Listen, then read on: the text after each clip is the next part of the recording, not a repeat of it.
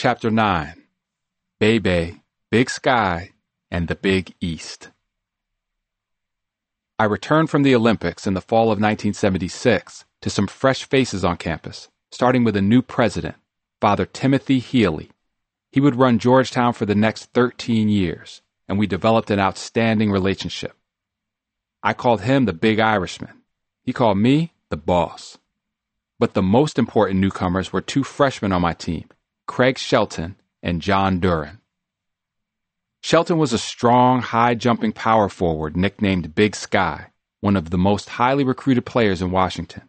When he was in the post, the ball was like a weapon in his hand. Duren was a big, smart point guard that everybody called Bebe. They had both played at Dunbar, my mother's old school, and led the team to a 29 0 record their senior year. Dunbar was up the street from Boys Club number 2. I had known Bebe and his older brother Lonnie since they were too little to cross 3rd Street by themselves, and I offered both of them scholarships. Dunbar had a black coach named Joe Dean Davidson who helped me sign Big Sky and Bebe against some stiff competition. Craig Shelton could have gone to any college in the country. Some people thought I had a recruiting advantage in these type of situations because I was black, but at that time, there was a perception among a lot of our people that blue chip recruits should play for white coaches at established programs. No black coach had yet won anything significant. The dynamic was similar to when I came out of high school and my mentors like Mr. Jabbo and Red sent me to Providence, not to a Tennessee State or a Winston-Salem. I appreciated that Joe Dean wasn't afraid to let his players sign with a black coach. Derek Jackson was a junior in 1976-77, our leading scorer and still paying my mortgage. Sophomore forward Al Dutch was an important scorer and rebounder I signed from my old high school, Archbishop Carroll. Steve Martin, a six foot four sophomore from New Orleans, moved from guard to forward because we had Derek and Mike Riley in the backcourt. He adapted to play a bruising style, and I nicknamed him the Beast. At center, we had Ed Hopkins and Tom Scates. When we added Big Sky and Bebe to this nucleus, it brought Georgetown basketball to a new level. I never paid any kid a dime to come to Georgetown. First and foremost, it was against the rules. I didn't care that other people did it. Illegal payments weren't any shock to me because colleges had offered me money when I was coming out of high school. But paying for players also went against my nature and against my belief in college basketball as an instrument of higher education. It always bothered me when people rationalized paying players by saying they otherwise got nothing. Ask someone with student loans how much free tuition, room, board, and books are worth. Not that recruits didn't ask me for money.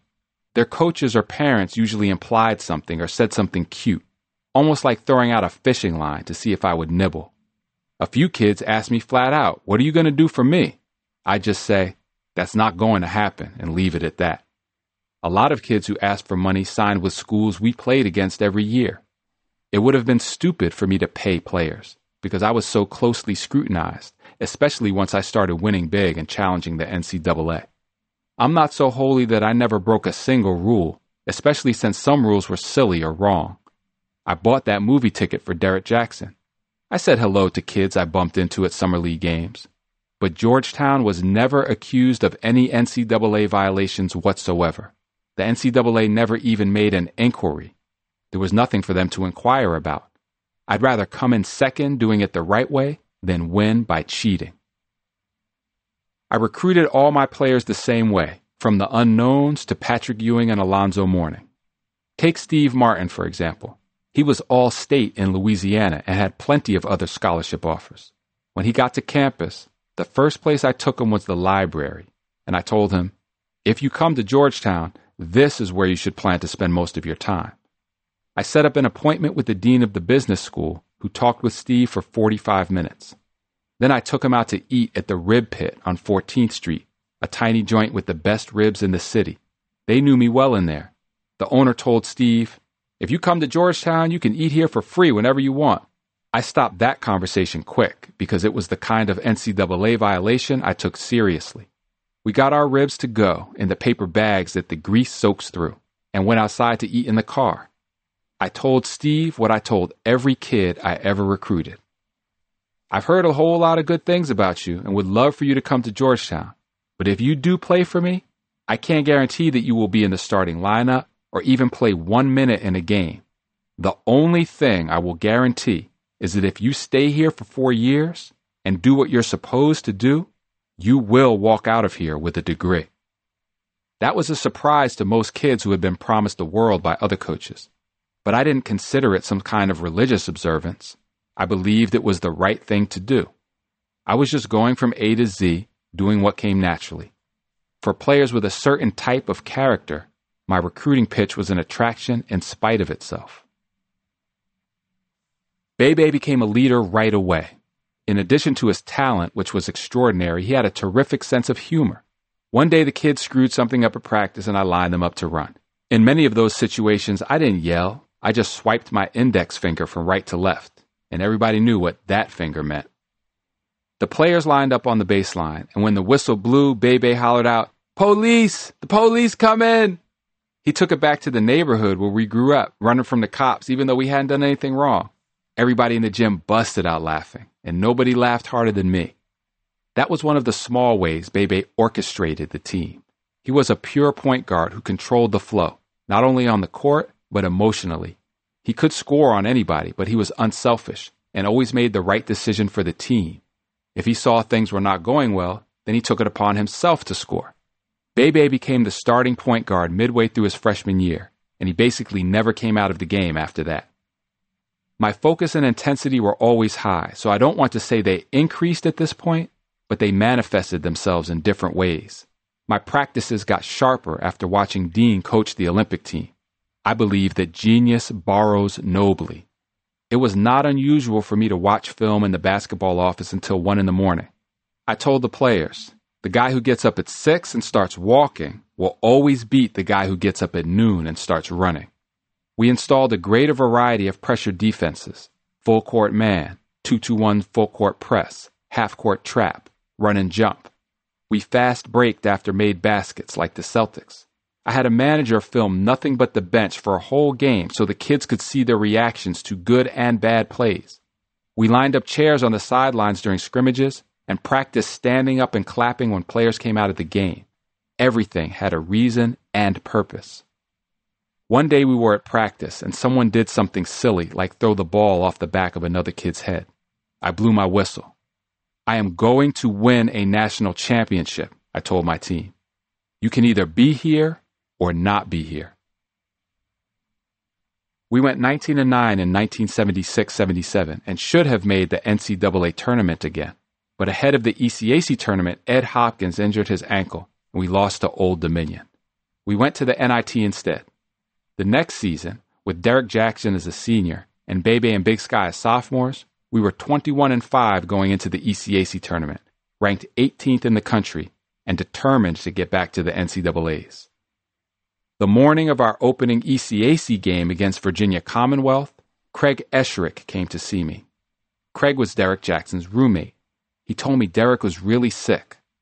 I rushed over and found Derek in terrible pain, spitting up blood. He had a Bible open next to him and was trying to heal himself through prayer. We forced him to go to the hospital, where they found a bleeding ulcer that Derek had been hiding from me. The kid wanted to play so badly he almost died. We lost to VCU that day and made another trip to the NIT in 1978. Remember how when I was hired, the president said he'd be happy periodically going to the NIT? Nobody was happy now. We were supposed to play Lefty Driesell's Maryland team in the first round of the NIT. At that point, I had been at Georgetown six seasons. We had played Maryland five times, and they'd beaten us all five. At first, Maryland annually blew us out by 20 and 30 points, but Bebe and Big Sky evened the scales, and Lefty knew it. Lefty was his own worst enemy because he made all of us raise our game to beat him. He showed me a lot about how to market a team and raise the profile of a program and he had the most influence on me learning how to graduate from a high school mentality to being successful in college.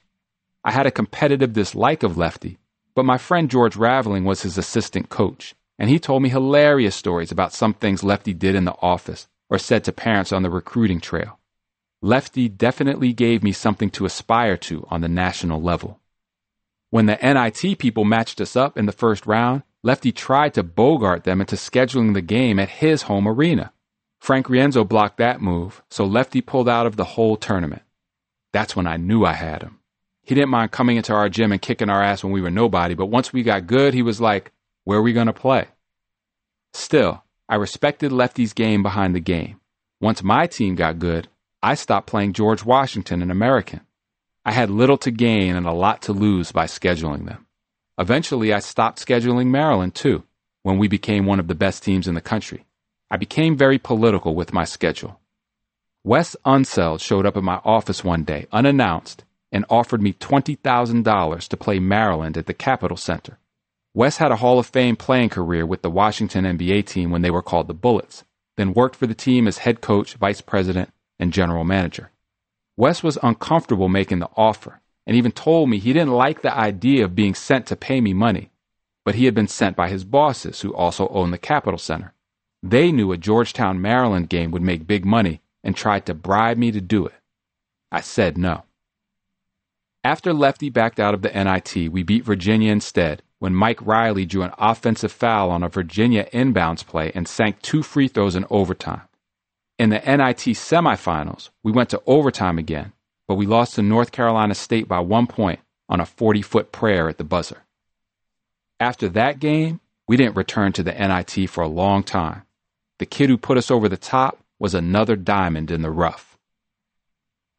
I got a call from Clarence Big House Gaines, the coach at Winston-Salem State in North Carolina, one of the black coaching legends my friends used to talk about under the tree at the playground. I admired Big House and appreciated that we had become friends. He always called me boy, and I loved it. Boy, Big House said over the phone, there's a kid down here in Gastonia you should try to get on. His name is Eric Floyd, but they call him Sleepy. Sleepy was from the same town as the future Hall of Famer James Worthy, who was headed to play for Dean Smith at North Carolina. Worthy's greatness meant that Sleepy was overlooked by many recruiters, but those were the kind of kids that built our program. I loved finding players in the nooks and crannies, like Mike Riley in the Navy or the baseball player Derek Jackson. Dean used to laugh when I called McDonald's All American types hamburger heroes. We signed another player in Sleepy's class, six foot nine Ed Spriggs, who was working for the post office and playing in a rec league. I'm not saying we got the leftovers because we also signed Eric Smith that year, who was one of the most highly recruited players out of Washington. But we found outstanding players who were not acknowledged as such. If Big House told me to look at a kid, I looked. What I saw in Sleepy was a future pro. He wanted to go to Maryland, but Lefty gave his spot to a big name kid named Reggie Jackson. So Sleepy signed with us. I also got two other important players, Mike Hancock and Ron Blaylock. Along with Sleepy, Spriggs, and Eric, they did a whole lot for our program. When informal pickup games started in the fall of 1978, Sleepy killed everybody who guarded him. He was such a phenomenal scorer, if he missed shots, he thought it was the rim and not him. Something's wrong with these rims, coach, Sleepy said to me on more than one occasion. And he was serious when he said it. I believed in taking things slow, so I didn't put him in the starting lineup until the third game of the season. That just happened to be against Maryland, ranked 19th in the country, with Buck Williams and Albert King. Before the game, I reminded Sleepy how Maryland didn't want him, and Reggie Jackson was supposed to be way better than him. Sleepy dropped 28 points, and I finally beat Lefty, 68 to 65. Two games later, we beat Indiana and cracked the top 20 rankings, where we stayed all season. In the ECAC finals, Bebe led us to a victory over sixth ranked Syracuse, and we were back in the NCAA tournament. We lost in the first round to Rutgers, but that season was a major turning point. My leading scorer was Sleepy, followed by Big Sky and Bebe, who were coming back for their senior year. We were on the rise. As we became more successful, things got more complex. Nobody cared when we were struggling to win the ECAC tournament, but once we started cracking the national rankings and going to the NCAAs, things changed. The 70% that Dean taught me about expanded to include more challenging things. We needed depth and muscle at the forward position, and I was recruiting Rick Weber, a six foot seven forward from Southern Maryland. Weber seemed ready to commit. Then I was told that my old high school coach, Bob Dwyer from Archbishop Carroll, told Weber that the only reason I was recruiting him was because he was white. Dwyer told Weber that I didn't think he was good enough to play at Georgetown, but wanted a few white players around for appearance's sake. What Dwyer said hurt me deeply. I had admired and respected that man and always considered him more than just my coach. It felt like a sucker punch from a mentor. I remembered how he wanted the Georgetown job and didn't even think that I could be considered for it. What Dwyer said convinced me that some white people will accept a relationship with blacks only if they are in the superior or teaching role. They feel they're going to heaven for teaching you, but once a black person moves into a role of authority, they can't acknowledge that new relationship. Weber chose another school, and I never spoke to Dwyer again. When Carroll had a reunion for our undefeated championship teams, I declined to attend. I may have been wrong for that, but I didn't want to be associated with anything Dwyer could receive credit for. He sent me a letter near the end of his life trying to bury the hatchet, but I did not respond. That's one of the things I hope Jesus forgives me for. The Weber situation happened again with a kid named Jeff Bullis. The Washington Post reported that James Madison head coach Lou Campanelli told Bullis he would only be a white token on my team. Bullis came to Georgetown anyway and gave us good minutes off the bench for an outstanding team that made a deep NCAA tournament run. Little did these people know that I had already refused to use white tokens when I was coaching at St. Anthony's High School. I had no reason to start at Georgetown. I faced another conundrum with black officials. There were very few of them in the 1970s, and I advocated for more because I believed they deserved an opportunity to move ahead in that profession. The fact there were so few when so many of us excelled on the court indicated that some barriers must exist. But here's the thing when black officials did work my games, I started to think they wanted to prove they wouldn't favor a black coach. It seemed they made every close call against me, and some that weren't so close too. I don't think it was necessarily a conscious decision on their part. Imagine what kind of scrutiny these black refs were under from their supervisors and others who controlled their careers when it came to officiating my games. There's no way they could not have reacted on some level to the fact that a lot of people thought black refs would conspire to help a black coach. It got to the point where I hated to have them officiate my games. A lot of young coaches today tell me the same thing. When I was coaching, the black ref Jimmy Howell was one of the best officials I had ever seen, but I didn't want to see Jimmy at my game. Once a black ref cost us a game with an absolutely horrible call at the buzzer. I busted into the ref's dressing room and went the hell off called the guy a handkerchief head nigger, which was wrong of me to say. Later, when I thought about it, I regretted how the white system had two black men fighting over some type of psychological double reverse mind trick. I shouldn't have come at my brother that way, but he did make a terrible call.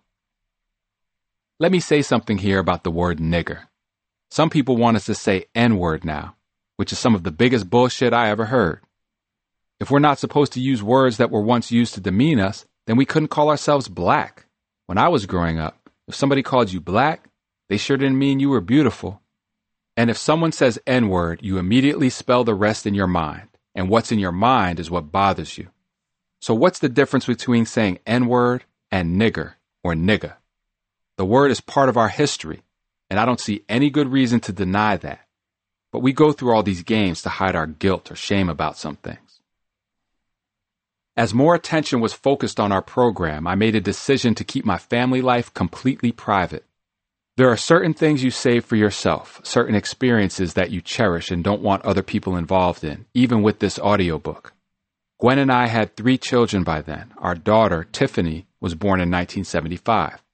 Crazy people smashed a hole through my office door and sent racist hate mail. If people couldn't get to me, what might they do to my wife and children? People who can't hurt you try to hurt the ones you love. Even without any physical harm, what might they say to my family based on their hangups about me? In politics, I saw people attack the children of elected officials. They made the children responsible for the actions of their parents. I wondered whether my kids' teachers or others they might encounter in life who might disagree with the things I said would take something from my children that they wouldn't even know was being taken from them. I didn't want to put that on my family. Gwen and the kids came to most of our home games and sat on the baseline under our basket, but I kept them as far as possible from the media. Coaching took up an extreme amount of my time. and Gwen did a fantastic job raising Tiffany, Ronnie, and John when I was gone. When I came home, Tiffany liked to fall asleep on my chest while I watched film or made phone calls. She also made a conscious decision not to play basketball because she wanted me to just be her father. John and Ronnie wanted to play, so I took them to Boys Club number two for games when they were young. It was not unusual for me to bring them to practice, where I might tote Ronnie with one hand and blow my whistle with the other. Once John came up to me at practice and said, Daddy, they're staying in the lane longer than three seconds. He wasn't yet 10 years old. I gave John a whistle and told him to blow it whenever he saw players in the lane too long. After John blew his whistle for about the fourth time, our center, Tom Scates, gave little John the meanest look you ever saw. People began to take note of my public personality. Before we won, they didn't care how I acted. The observations that people now made were always connected to my size. I'm a large person with a loud voice. I felt strongly about my profession. I yelled a lot, even when I wasn't angry.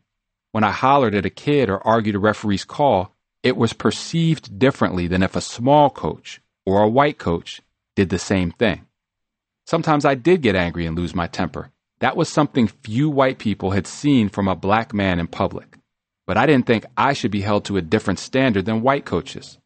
Mary Fenlon told me, when you get angry, people don't hear what you're saying, they hear how you are saying it. They also saw it coming from a six foot ten person with dark skin. That's how a certain aspect of my reputation began. But another time when I was fussing or arguing about something, Fenlon told me, You wear your blackness well. I consider that a great compliment.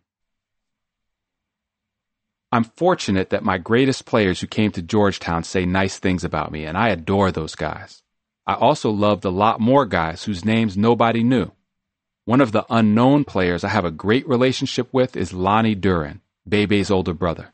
Lonnie is Tiffany's godfather and the only one of my players to have that role in my family. Lonnie wasn't a great player in high school, but when he was a kid, I always enjoyed being around him, so I gave him a scholarship and he graduated with a Georgetown diploma. Even though Lonnie didn't hardly play, he had an important role. For example, we picked up one of his expressions and said it when we left the locker room before games 40 hard minutes. Lonnie would be at the end of our bench trash talking the other team so bad he sweated through his uniform as if he had played. He gave us 40 hard minutes from the bench.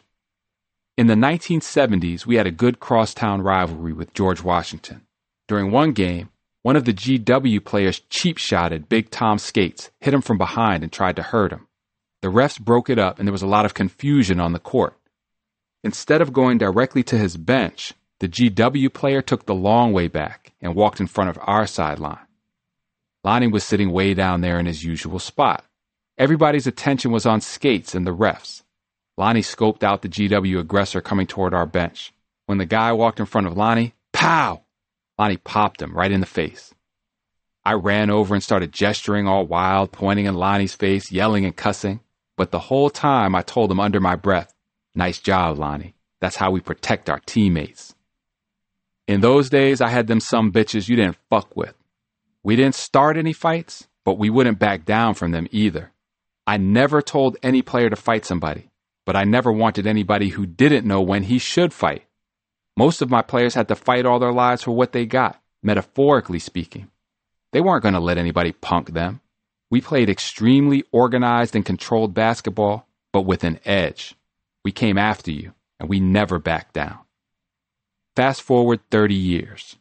Lonnie is the director of Boys Club number 2 and lives right next door to the club in the Sursum Corda Cooperative, a tenant-owned, publicly subsidized townhouse complex. Sursum Corda is Latin for lift up your hearts. The neighborhood was founded by a Georgetown graduate in the 1960s who wanted to help poor people. But you know how that goes. And over the years, it became full of drugs and crime. After drug dealers killed a 14 year old girl in Sursum Corda, the city decided to redevelop the property and tried to use eminent domain to push all the poor people out. That part of the city was gentrifying. It's only a few blocks from the U.S. Capitol, and the property was worth millions. As the city tried to take over, Lonnie got himself elected to chairman of the Sursum Corda Co-op Board then began negotiating to make sure the residents who lived there for decades didn't get taken advantage of. I should mention that my nickname for Lonnie is Columbo, after that TV detective who looked disheveled and slow, but was smarter than everybody. If you saw Lonnie on the street, you might think he didn't have a job, much less a Georgetown degree. Anyway, the negotiations between Lonnie's co op board, the city, and the developers went on for years. The little boy who couldn't cross third and K was holding the city hostage. One of the people who helped him was his old teammate, Felix Yeoman, who had an MBA in finance. Finally, in 2018, Lonnie and Felix got the deal they wanted. The Toll Brothers Real Estate Company bought Sursum Corda for $63 million. You heard that right. $63 million. 17% of the development was set aside for affordable housing. All the longtime residents were guaranteed the right to return there with subsidized rent or take their subsidy elsewhere. For a Washington native like me, who grew up in the projects, who studied the white man's game behind the game, what Lonnie and Felix did makes me incredibly proud. They didn't make the All American team. Lonnie didn't even play in the games. But they did a lot more than some guys who went pro. Lonnie fought for years to get what his people deserved. That's what I mean about our guys knowing when to fight. I'm as proud of what Lonnie accomplished as I am of what Patrick Ewing did in the NBA. Some people make the mistake of defining my coaching by my great players. What Lonnie and Felix did with Sursum Corda, that's Georgetown basketball. My old friend Dave Gavitt had succeeded Joe Mullaney as head coach at Providence then became the school's athletic director. In the late 1970s, Dave started talking about forming a new basketball conference. I didn't like the idea. My team was already good as an independent. I had the freedom to make my own schedule and set up my own deals. What did I need a conference for? I thought it would be another entity telling me what to do. But Dave saw the future of college basketball in terms of the importance of television, the politics of how conferences would influence the game, and the money that would be made. I was blind to all that, but Dave's vision was extraordinary. He wanted to gather teams from all the biggest Northeastern markets, from Boston through Connecticut, New York, and New Jersey, and on down to Philadelphia and Washington. He understood how attractive those markets would be for television. He also recognized that a big time conference would help us retain a lot of Eastern talent that left for other parts of the country because the UCLAs and North Carolinas and Indianas were on TV all the time. I trusted Dave, and so did Frank Rienzo. In the summer of 1979, we started the Big East Conference with Georgetown, Syracuse, Providence, St. John's, Boston College, Seton Hall, and Connecticut. Villanova joined the following year, and Pittsburgh in 1982. Dave told all of us we had to move out of our little gyms because to compete with the Big Ten and the ACC, we needed the whole show. Arenas, cheerleaders, bands, mascots, the whole nine yards. Our team finally moved out of McDonough, which could no longer fit all our fans. Our home arena became the Capitol Center in Landover, Maryland, a 45 minute drive from campus. That was great for television and revenue, but it made life harder for our team. Now every game was like an away game for us in terms of logistics. We didn't practice there, so it was hard for players to get a feel for the rims. We couldn't do shoot around there. To get kids out of class, I had to fight with Fenlon and the teachers. And traveling to and from the Capitol Center took an extra two hours out of their day. But those negatives were more than balanced out by the positives. Dean always told me that playing on television was a major key to success, and now we were on TV all the time. ESPN was new and broadcast a lot of our games. We also had coaches with engaging personalities Lou Carnesecca at St. John's, Rollie Massimino at Villanova, the black guy at Georgetown. Jim Boeheim at Syracuse had a bland demeanor, which became distinctive in itself compared with the rest of us excitable guys. The whole mix made for great television, not to mention that all these guys were outstanding coaches with talented players. In 1979-80, the first Big East season, our conference had three teams consistently ranked in the top 20. Us, Syracuse, and St. John's. We won so many close games, people started calling us the Heart Attack Hoyas. At Boston College, live on ESPN, Eric Smith played great in the clutch, and we came back from eight points down with a minute left. with no shot clock or three point line, to win in overtime. We beat Maryland again, 83 to 71, and I had a big blow up with Lefty. The ref called a crazy technical foul on one of my kids for hanging on the rim after a dunk. I'm out there dealing with those idiots, and one of the Maryland players, Ernie Graham, patted me on the head. Ernie and I had a great relationship. I recruited him hard out of Dunbar, Baltimore, but that pat was disrespectful and got me revved up. When Lefty came over and added his two cents, I gave Lefty $20 worth of cussing, which was a mistake on my part. I did not shake his hand after the game. Syracuse was playing their last season in the Manley Fieldhouse before moving into the Carrier Dome. When we went up to play them in February, they had won 57 straight home games. People hyped the matchup because it was the final game in Manley. Syracuse had Louis Orr, Roosevelt Bouie, and Danny Schayes. They were ranked second in the country and acted like they were going to kick our ass. They were up 14 points at halftime, but then Big Sky went to work, and with five seconds left, Sleepy hit two free throws to give us a 52 to 50 victory. At the post-game press conference, I said, Manley Fieldhouse is officially closed. May it rest in peace. People still talk about that quote. It wasn't premeditated. I was just going from A to Z, doing what came naturally. Some people believe that remark created our Syracuse rivalry, but it actually began before then. At a tournament in 1974, one of their best players, Rudy Hackett, stood outside our locker room door as we walked in and tried to stare us down with a tough guy look on his face. That was the best thing he could have done because my kids didn't play that. When we got into the locker room, it was like, you see what this motherfucker Hackett just did? And we went out and upset them. But putting that stake through Syracuse's heart in the last game at Manley Fieldhouse definitely added fuel to the fire. Over the years, Georgetown and Syracuse came to hate each other. One of Dave Gavitt's most brilliant ideas was holding the Big East Conference tournament in Madison Square Garden. There's no city like New York, and having so many good teams there at one time created an electric atmosphere. In the first Big East tournament, we beat Syracuse in the finals 87 to 81, and Bebe was named the first Big East MVP. We earned a third seed in the NCAA tournament, which then had 48 teams. In our first game, we beat an Iona team coached by Jim Valvano. That was my first NCAA tournament victory, and Georgetown's first since 1943 but I was far from satisfied, especially since our next opponent was Maryland. Beforehand, I apologized in the newspapers for what I had said to Lefty during the previous game, and I said publicly that my behavior had been wrong. It came from competitiveness, not hatred or disrespect. I had a lot of admiration for Lefty that he didn't know about. After we both retired, I advocated for him to get into the Hall of Fame, and when he was inducted, he asked me to introduce him. But when we were playing each other, I needed to cultivate a competitive dislike of Lefty. I needed to kick his ass.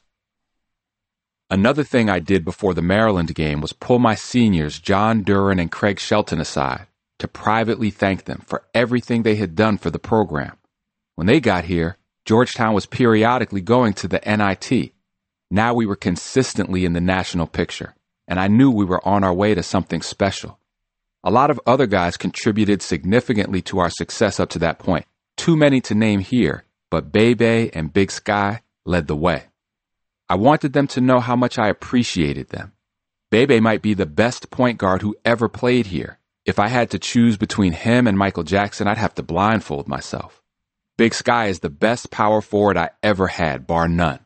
They weren't scared of playing for a black coach, and they opened a door for Georgetown basketball. It's not a coincidence that they were my first two players to make the NBA. We beat Maryland again, 74 to 68. Eric Smith held Albert King to 6 for 18 shooting from the field. And even though the great Buck Williams had 18 points and 15 rebounds for Maryland, it wasn't enough. After the game, I got a call from Mr. Wyatt at the boys club. Hey baby, he said, the buck stops here. In the Elite Eight, our opponent was Iowa, coached by Lute Olson. We were up 10 points with 11 minutes left, headed to the Final Four. Sleepy was cooking on his way to 31 points. Then Iowa went on an unbelievable streak and absolutely shot the lights out. They scored on 15 of their final 16 possessions, and made all 15 of their free throws in the second half. We battled them shot for shot, and the score was tied in the final minute. With five seconds left, Iowa made a layup to go up by two. And to make matters worse, Big Sky was called for a foul on the play. It was a terrible call by a black ref. Iowa hit the free throw to go up three. That was the nail in the coffin because there was no three point line then in college basketball. We made a layup on the other end and missed the final four by one point. I don't think I had ever felt pain like that loss before. I couldn't fault our kids, though. Our team played well, but Iowa played an incredible game and deserved to win. When you enter the battlefield, sometimes you get shot. As terrible as I felt, I also felt more determined. I borrowed a line from General Douglas MacArthur and declared publicly, I shall return. In eight years, we built Georgetown from nothing into a national contender. All we needed was one more piece to reach the mountaintop. Chapter 10 Patrick Billy Stein and I went up to Boston to watch a high school kid named Paul Little play some sort of championship game at the Boston Garden. Billy and I sat at the scorer's table. Early in the game, another kid, a tall sophomore, blocked a shot, and then threw an outlet pass. They ran the fast break and missed the layup, but the tall kid flew in out of nowhere and tapped the ball in. I had no idea who he was, but I thought, man, this kid can run. I started watching him off the ball, and pretty soon I forgot all about Paul Little. This tall kid was always in the right place. He gave 100% effort and was extremely competitive. In the second quarter, I turned to Billy and said, Give me that boy right there, and we'll win the national championship. That boy was Patrick Ewing.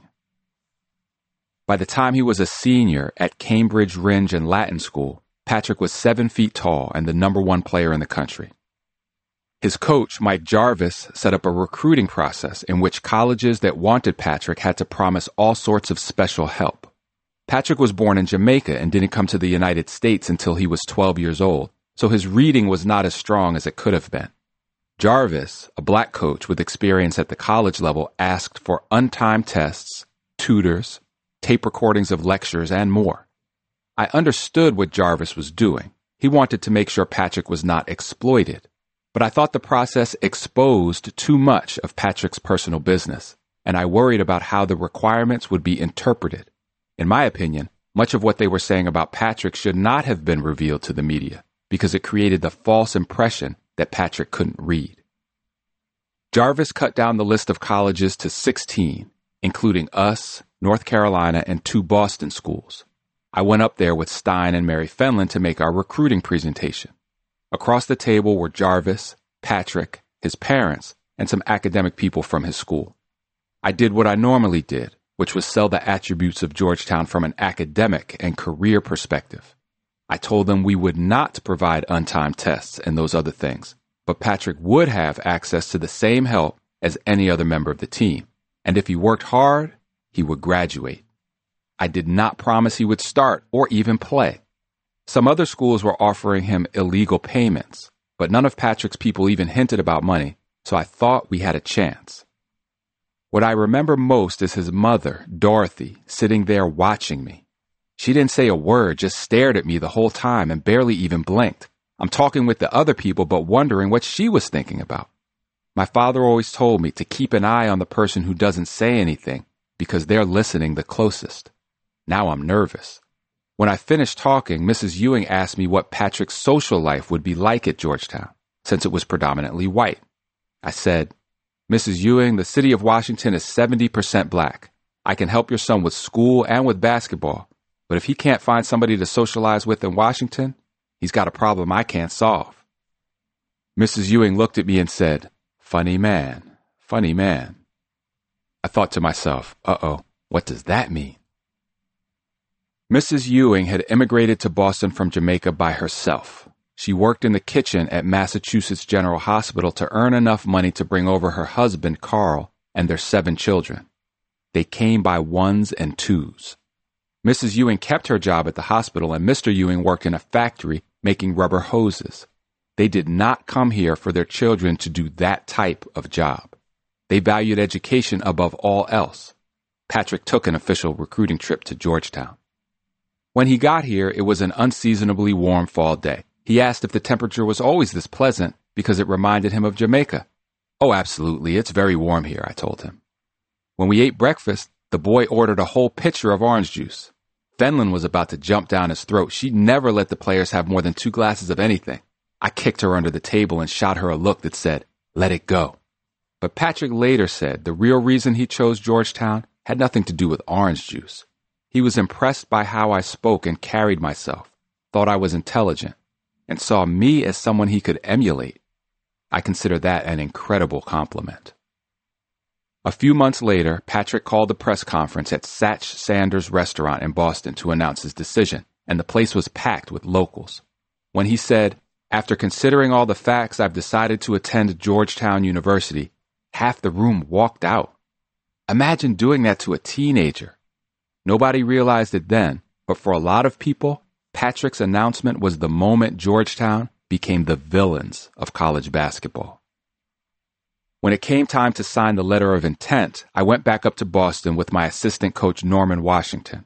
The letter of intent was a binding contract to guarantee we would offer Patrick a scholarship and he would play only for us. Until that letter was signed, anything could happen. I made some small talk and then said, Well, we have this letter for you to sign. Mrs. Ewing said, Sign? You signed for land, not for people. It felt like my heart stopped. Then she smiled and told her husband to sign it. I had learned from my friend George Raveling that as soon as you make the sale, get the hell out of Dodge. Don't hang around and wait for things to go wrong.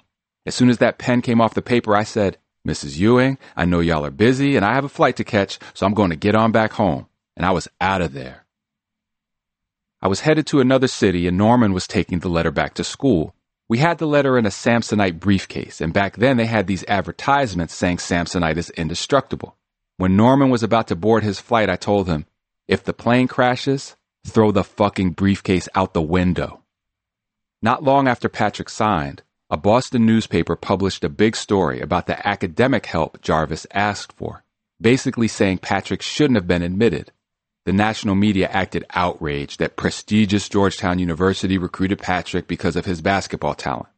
It was the biggest crock of bull I ever heard.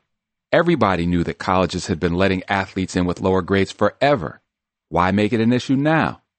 Why go after Patrick, who was actually a solid student whose progress had been limited due to his having come here from another country, because they thought, consciously or not, that he was a nigger who didn't know his place. That newspaper story created a racist lie about Patrick being stupid that he never escaped, not even after he graduated in four years with a bachelor's degree in fine art. Patrick didn't let it bother him. I was more hurt than he was. But then I said to myself, I signed the best player in the country and got back to work. It was cold when Patrick enrolled on campus in the fall of 1981, and he asked me why I had pretended the weather in Washington was warm. I told him, You're here now, so don't worry about it. The bottomless orange juice dried up too. I knew how to recruit, but I knew when to draw the line too. His first day on campus. When we got into practice, Patrick's teammates were pushing him around, and Patrick just smiled and kept playing. I thought, this kid ain't as ferocious as they said. I almost thought he was soft and we'd have to toughen him up.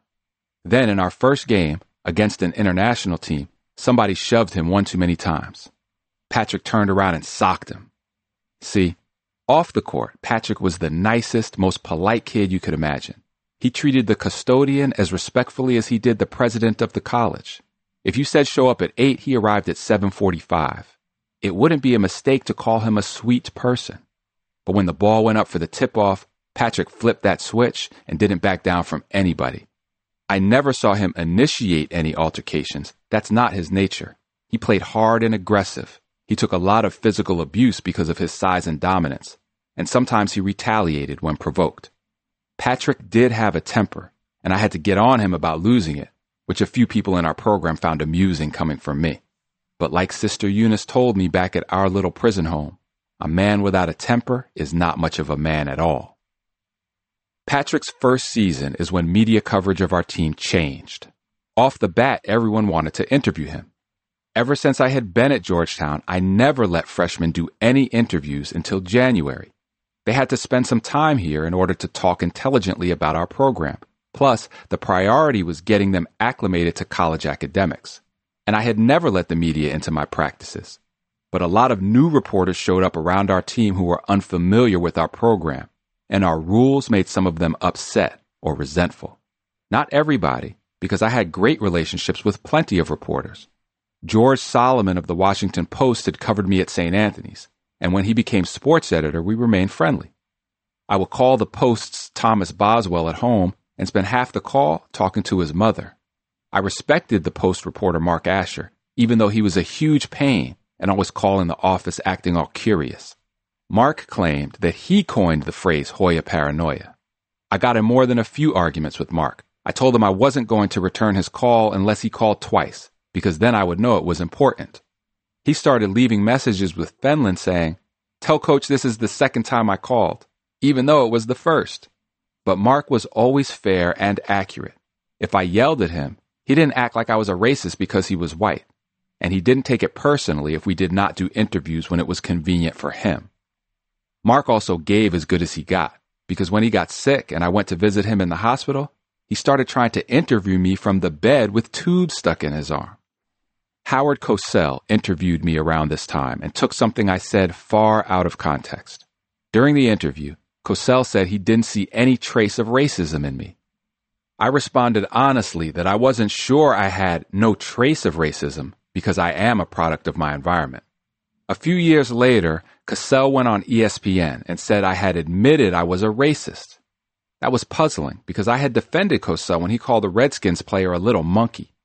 I think Cosell twisted my statement to generate controversy and get ratings, which is what some people in the media do. Cosell always tried to make himself a friend of the black man, like he did with Muhammad Ali. I didn't dislike him, but he fell into the trap of trying to portray me as a racist based on some of the issues I raised rather than dealing with the issues themselves. A lot of media people over the years have tried to compare me to Martin Luther King and Malcolm X.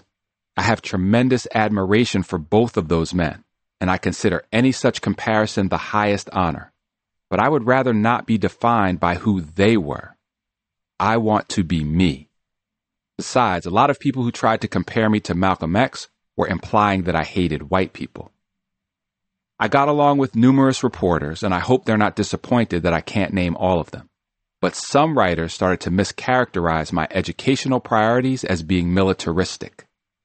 I admire the American military, so I considered that too a compliment. Then they said I had too much control, of course I was in control. That was my job. Dean Smith controlled everything down to the temperature of his arena, but my actions were perceived differently because of my color, size, and refusal to be apologetic. A lot of reporters couldn't understand why I wouldn't give them a 10 minute interview with Patrick or Sleepy. Well, there are 20 other reporters who want 10 minutes. You do the math. I had a responsibility to protect the kids' time since a lack of time was the biggest obstacle to their education. I didn't feel any obligation to explain or apologize to anybody, and refused to defend myself against false accusations. We just followed our protocol and let the ball bounce where it may. I understood that reporters had a job to do, but so did I, and I wasn't about to punish the kids for the media's convenience. It's hard for you to write your story? Try taking an exam the day after losing to St. John's. Fenlon was protective of our kids when it came to interviews, and she spoke sharply to a lot of reporters. I think they resented her, or were scared of her, or both. Steve Hershey from the Washington Star came up to me one day when nobody was around and said that his editor had instructed him to get Thompson. I respected Steve for telling me that. He didn't like me much, but he had enough integrity not to let somebody put words in his mouth.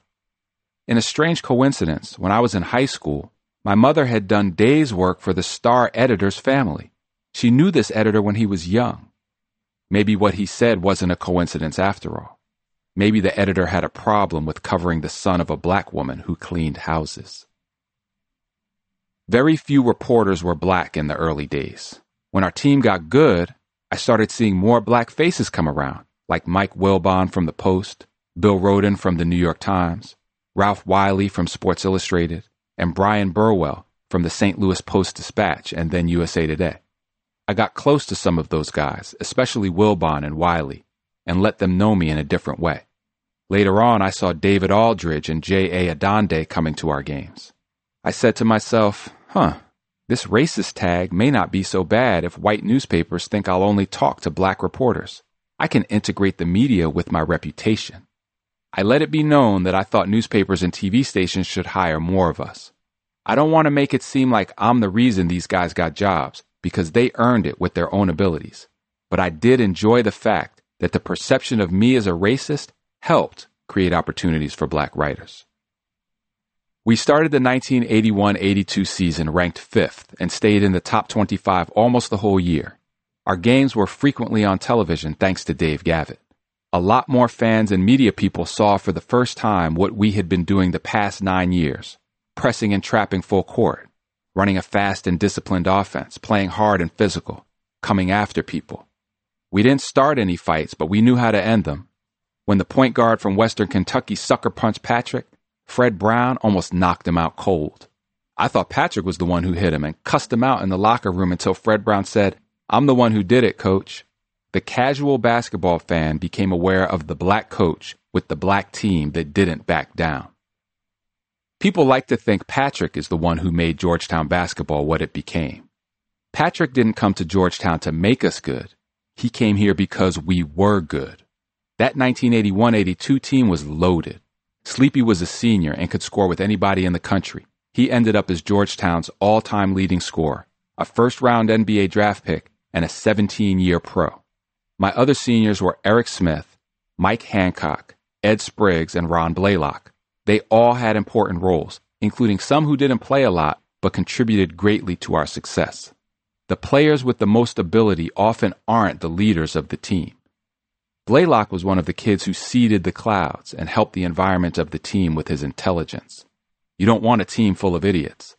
I needed players who reinforced my educational messages and influence the borderline kids I was trying to change. Ed Spriggs was another smart and unselfish kid. He was a good big man and started every game his junior year. Then Patrick arrived. Ed immediately took Patrick under his wing and helped Patrick take his spot as the starting center. I'll never forget a game we played in Reno, Nevada. An opponent was beating the hell out of Patrick. Eddie stood up on the bench and told the other guy, Guess what? I'm coming in the game soon. Let's see how tough you are then.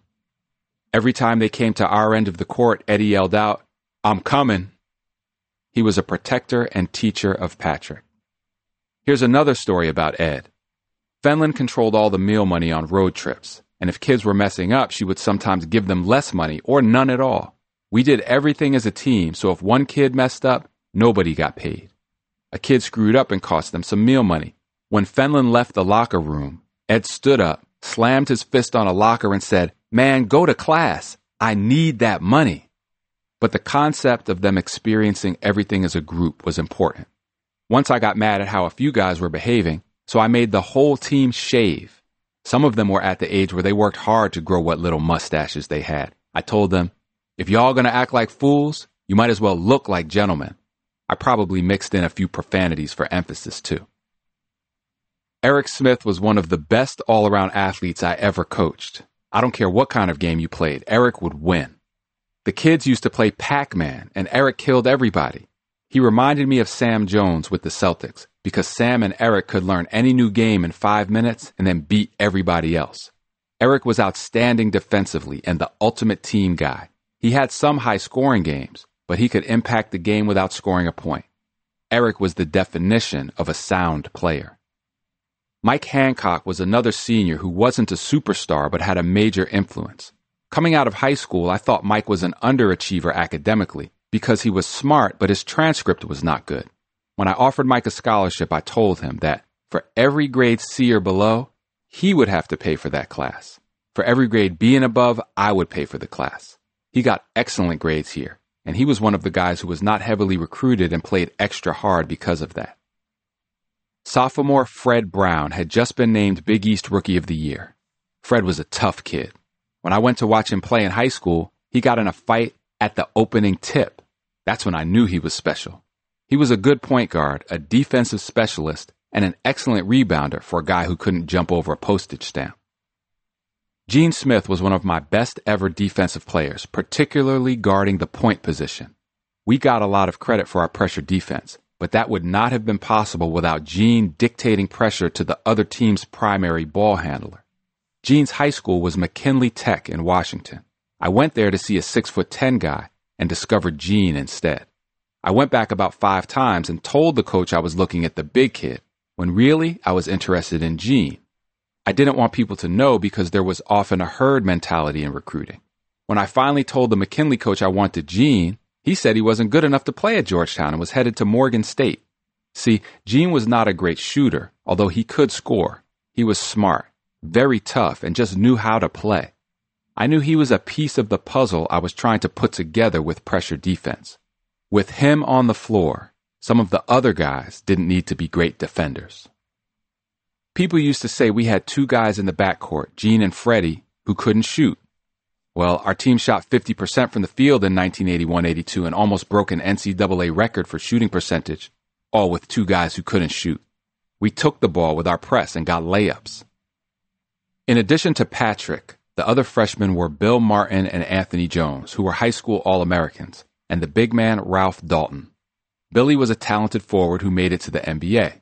Anthony was highly recruited out of Dunbar in Washington. People had him rated as better than Michael Jordan. He could play, but he decided to transfer after his sophomore year. Georgetown was not for everybody. How Ralph Dalton got here is a funny story. I found him on Sherwood Playground in Washington.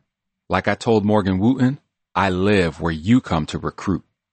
Ralph played for a couple years in prep school under the radar, and we wanted to keep it that way. Nobody had seen him play in high school. When he played Summer League, I told him to list his name as Ralph Brown. The kid went and scored 30 points, and Lefty Driesell happened to be there. He figured out Ralph's name was not Brown. Lefty or one of his people told the Post, and they did a story, but there was nothing illegal about it. It was Summer League. When Dr. J played at Rucker Park, the scorebook didn't say Julius Erving. I didn't want somebody else to capitalize on the work I did in finding him. I laughed my ass off when people got on their high horse over Ralph using an assumed name. I was just doing what Red taught me. Bend the rules. Don't break them. During a preseason practice his freshman year, Ralph tore his knee up so badly, doctors thought he might never play again. Our trainer, Lori Michael, saved Ralph's career. We had an excellent trainer before Lori, but he had obligations that sometimes prevented him from staying late or working weekends, and my crazy ways did not accommodate a 9 to 5 job. Lori was one of the assistant trainers for another team, and I noticed she was always at the gym taking care of the kids. Late nights, weekends, Laurie was there. In 1981, I brought her over to the basketball team full time. Ralph was our first major injury she had to deal with. She and Ralph worked as hard as anybody I'd ever seen to rehab his knee. Then Laurie designed a special high top shoe with Nike that went all the way up to the middle of Ralph's shin, which allowed Ralph to eventually get back on the court. I'm not sure how many men's teams, if any, had women trainers then. We had a woman as head trainer and another as academic coordinator. Dr. Anita Hughes had a strong influence on my giving opportunities to women. To whatever extent I helped women get ahead, I'm as proud of that as I am of what I may have done for black people. In the middle of the 1981-82 season, we won 13 games in a row. There were some scuffles and fights along the way because people came after Patrick with elbows, fists, words, you name it. His first game at Boston College, the crowd screamed all kinds of racist names at him.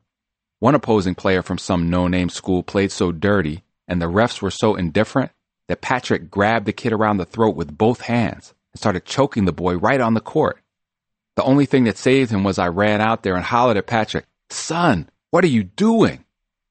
In January, we went into Madison Square Garden and destroyed 20th ranked St. John's, 72 to 42. The game was on national television and Patrick absolutely dominated.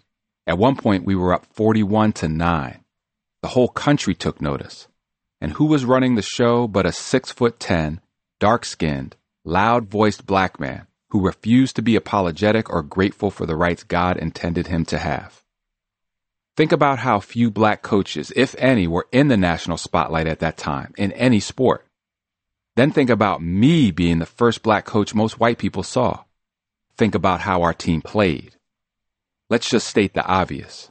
We scared a lot of people. They shouldn't have been scared. We were playing basketball, not robbing banks. But American society often assumes, unconsciously or deliberately, that black people are dangerous, violent, animalistic, or criminal. People think we need to be controlled, kept in our place. I refuse to be confined to anyone's idea of my place. I would not tell my team to back off because some people were scared for no good reason. I would not inhibit myself from yelling at refs the same way white coaches did, the same way red work refs to get the next call. It didn't take long for a certain word to become attached to our program, our players, and myself. Intimidating. When Georgetown pressed full court, we were intimidating. When Patrick blocked a shot, he was intimidating. When I protested a call, I was trying to intimidate the officials. But when Bobby Knight's Indiana team played great physical defense, they were tough. When UCLA center Bill Walton blocked a shot, he was talented. When Louis Carnesecca argued with the refs, he was feisty because he was a little white man. But big black John Thompson was trying to intimidate when I simply spoke my mind. I don't think some people were used to seeing an unapologetic black man. Maybe they just didn't like it. Listen, when I believe something, I say it. I'm six feet ten inches tall. I have a large mouth, a big head, and a deep voice. I naturally make a big noise. Not only am I black, but I have dark skin. My feet are big. My body is big. Sometimes I'm loud, but I'm loud because I'm composed of big things. I take up more space. Big people often get judged by their size instead of their mind, which is a disservice. I never went around trying to overpower people. Hell, when I played, I was a finesse guy.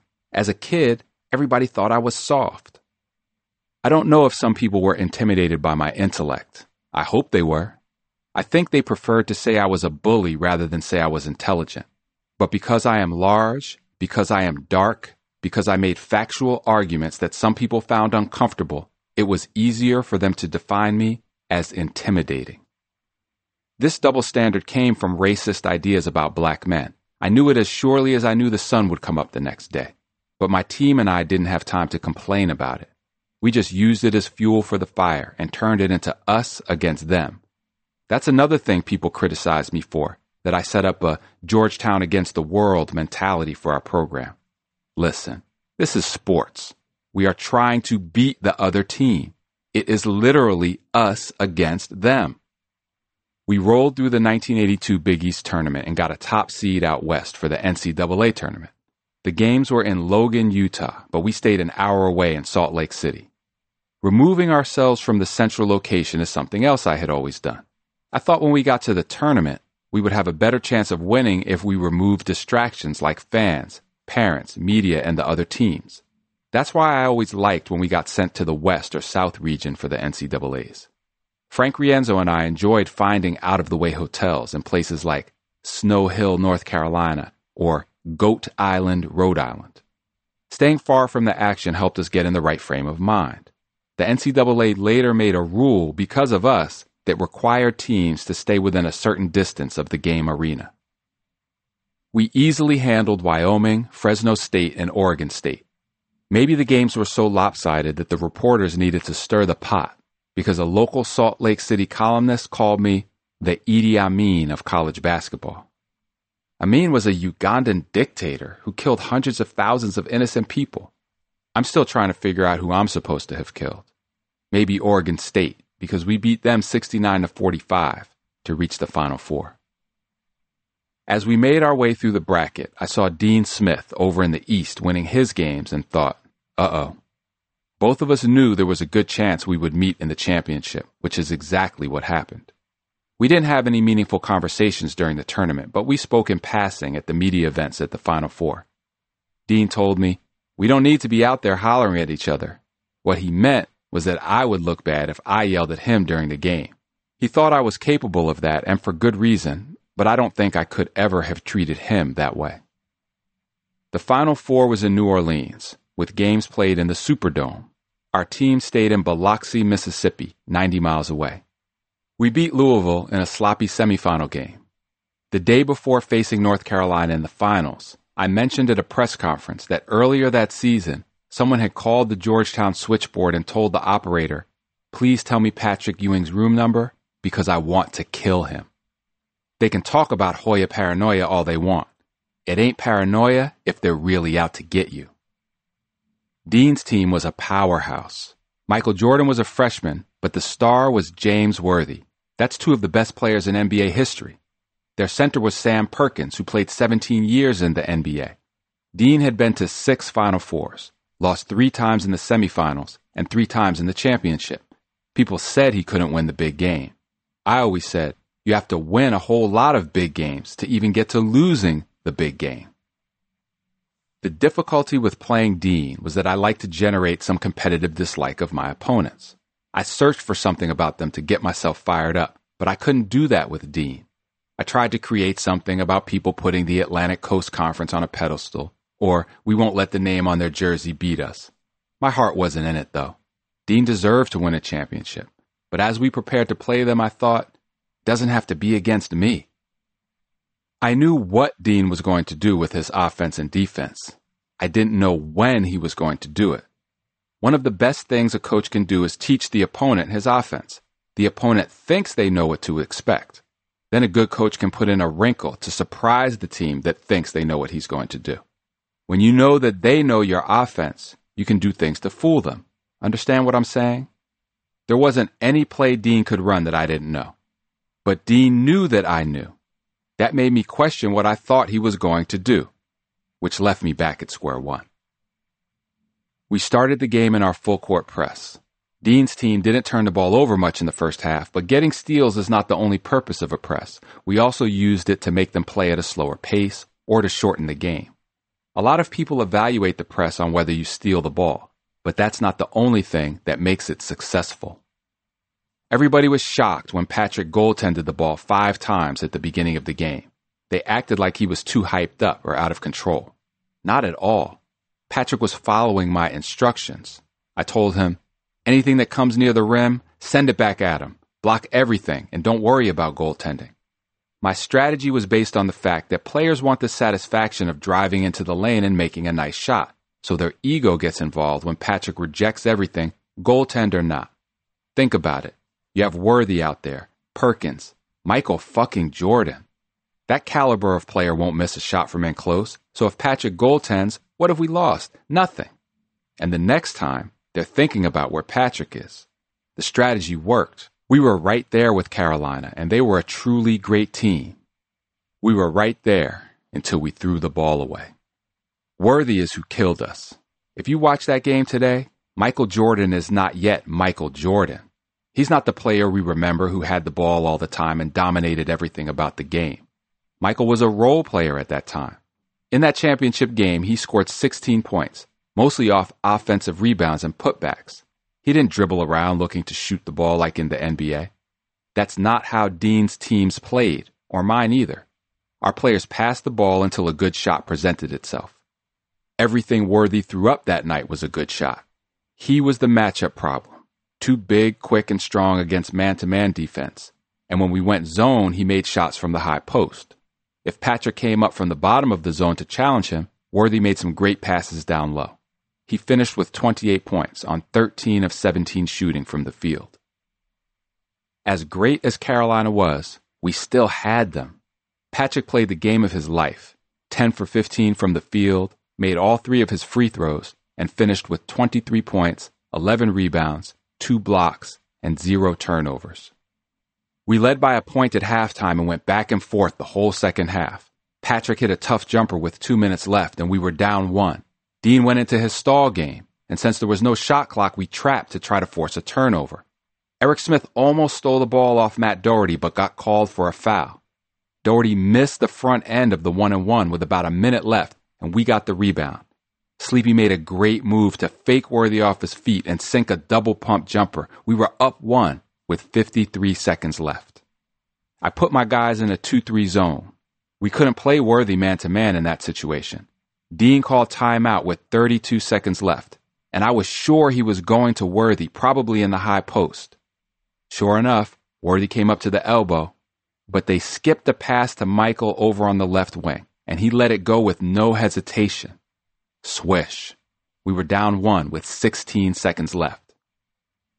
Did Dean know that I thought he would give the ball to Worthy? In all our decades of friendship, we never spoke about the details of that game. Dean knew how painful it was for me because he had been there so many times himself. But I think Dean knew I was focused on Worthy. Michael shot the ball as if he was expecting to get it.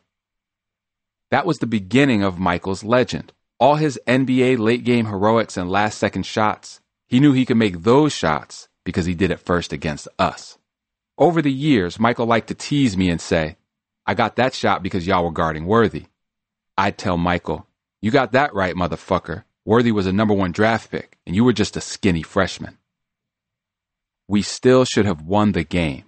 I had one timeout left, but I didn't want to use it and give Dean a chance to set up. They were scrambling on defense. 16 seconds was plenty of time. Fred Brown brought the ball to the top of the key and started to pass to Eric Smith.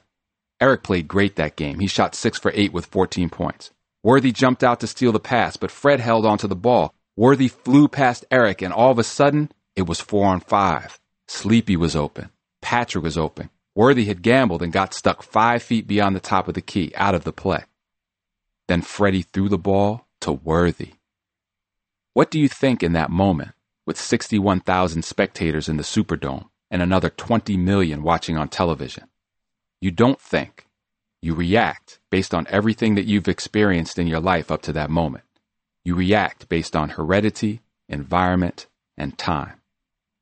My mother loved me unconditionally. When I had the most trouble as a young person, she hugged me. After Freddie got confused and gave away the ball, after the buzzer sounded and we lost the national championship to North Carolina, 63 to 62, the first thing I did was hug Fred Brown. I hugged him tight. Everybody made a big deal out of that, which I appreciate, but it was not a conscious decision on my part. It was my natural reaction based on what I was taught by my parents, by Sametta Wallace Jackson, by Dr. Anita Hughes, and by many other people. I thank God that I reacted correctly because I could have said or done something hurtful due to the emotions of the moment. I give my mother more credit for that hug than I give myself. What's more amazing is that in the locker room afterward, Freddie's teammates accepted what happened. I'm in catechism books for the hug, but it's never discussed that the team was equally kind to him after the game. That was not easy for the team to do. Fred was somewhat antisocial, and while his teammates didn't dislike him, Fred was not a beloved person. Still, the players supported him in that difficult moment. We win together, we lose together. Fred's teammates worked incredibly hard that season, and they knew we could have beaten North Carolina. We should have beaten them. When the game ended, before Dean celebrated with his team, he came over and gave me a hug. Then, as he walked away to congratulate his players, he looked back over his shoulder at me. Even in his moment of triumph, Dean was concerned about how I felt. Later, Dean told me how well my team had played. His did too. It was one of the best championship games in NCAA history.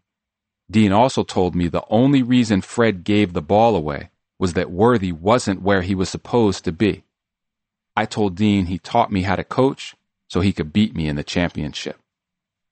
It hurt badly to lose that game, very badly, but not as much as if I had lost to somebody I hated.